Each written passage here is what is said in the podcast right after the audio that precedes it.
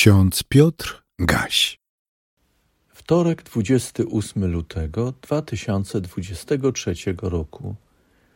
W Psalmie 130, w pierwszym i drugim wersecie czytamy: Z głębokości wołam do Ciebie, Panie, Panie, wysłuchaj głosu mojego.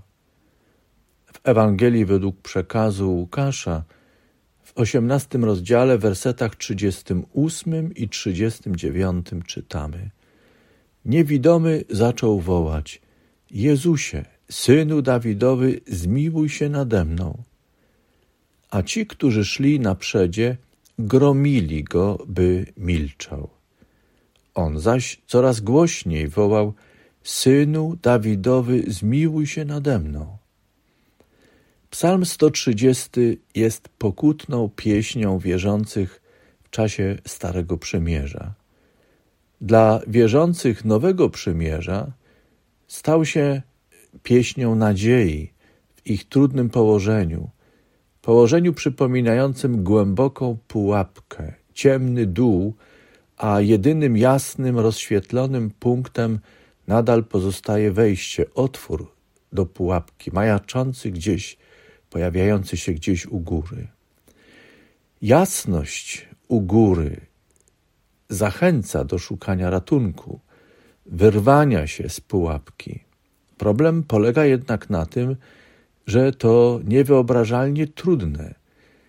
Wydostanie się z dołka na miarę naszych sił i doświadczenia jest w naszym zasięgu, ale praktycznie jesteśmy bez szans na wydostanie się z głębokości dołu, który wymyka się naszemu dotychczasowemu doświadczeniu, a nasza sprawczość wobec takiego wyzwania jest żadna. Oczywiście można i trzeba próbować wydostać się z głębokich życiowych dołów przepastnych głębokości, ale Jakże trudno próbować, kiedy przy każdej kolejnej próbie słabniemy.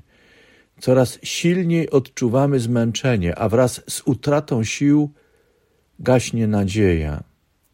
Nadzieja, że wyjdziemy z trudnego położenia o własnych siłach. W takich chwilach ogarnia nas przytłaczające doznanie, że głębokość staje się jeszcze głębsza, a my jesteśmy bez szans na ratunek, ocalenie samych siebie z głębokiej pułapki. Pozostaje jeszcze nadzieja, że z góry nachyli się ktoś, spojrzy w naszą stronę i jeśli się zlituje, pomoże nam. Chyba rozumiemy niewidomego, który wołał do Jezusa i prosił o zmiłowanie otaczający go nie mogli mu pomóc. Zaliczyli go do, do tak zwanych beznadziejnych przypadków. Irytowało ich wołanie niewidomego i kazali mu milczeć. Po co wołać o pomoc w beznadziejnej sytuacji?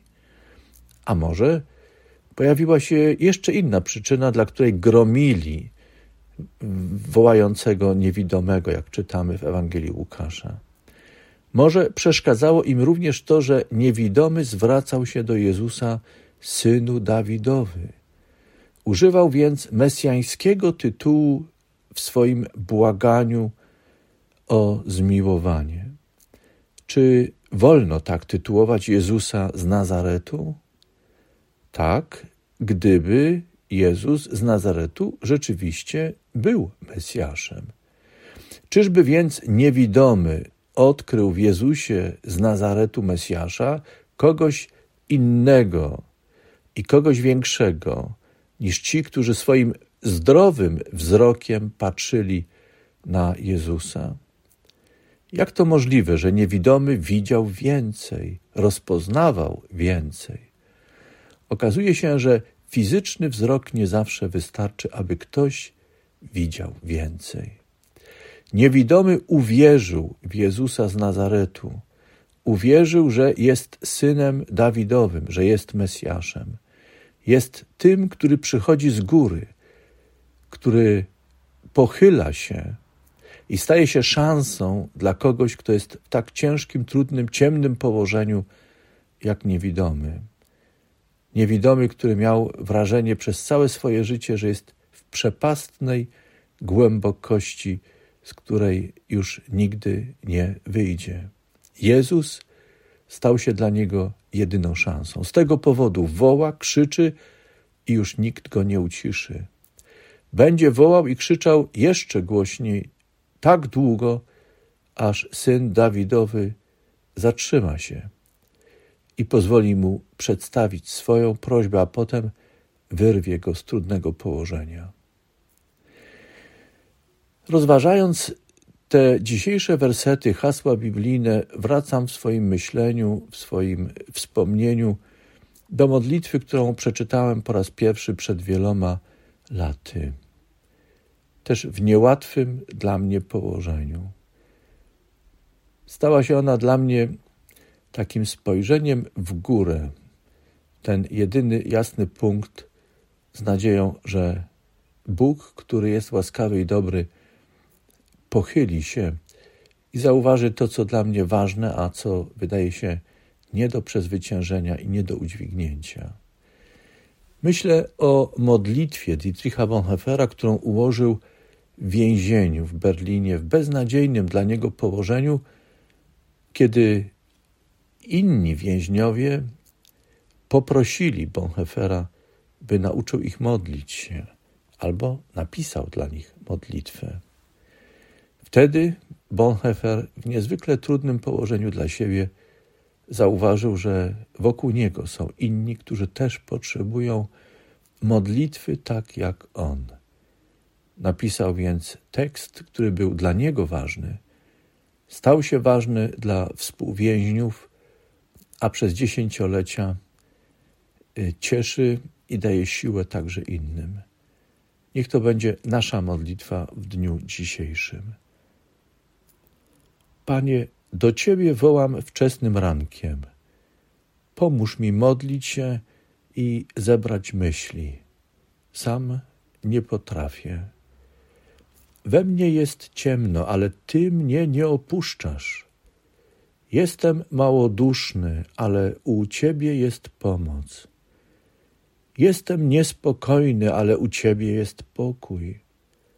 We mnie jest gorycz ale u Ciebie jest cierpliwość. Dróg Twoich nie rozumiem, ale Ty znasz dla mnie właściwą drogę. Ojcze w niebie, Tobie chwała i dziękczynienie za spokój nocy, Tobie chwała i dziękczynienie za nowy dzień, Tobie chwała i dziękczynienie za Twoją dobroć i wierność w moim dotychczasowym życiu. Ty wyświadczyłeś mi wiele dobrego spraw, bym umiał przyjąć z Twej ręki także to, co trudne. Ty nie włożysz na mnie więcej, niż mógłbym unieść. Ty sprawiasz, że wszystkie sprawy służą Twoim dzieciom jak najlepiej. Amen.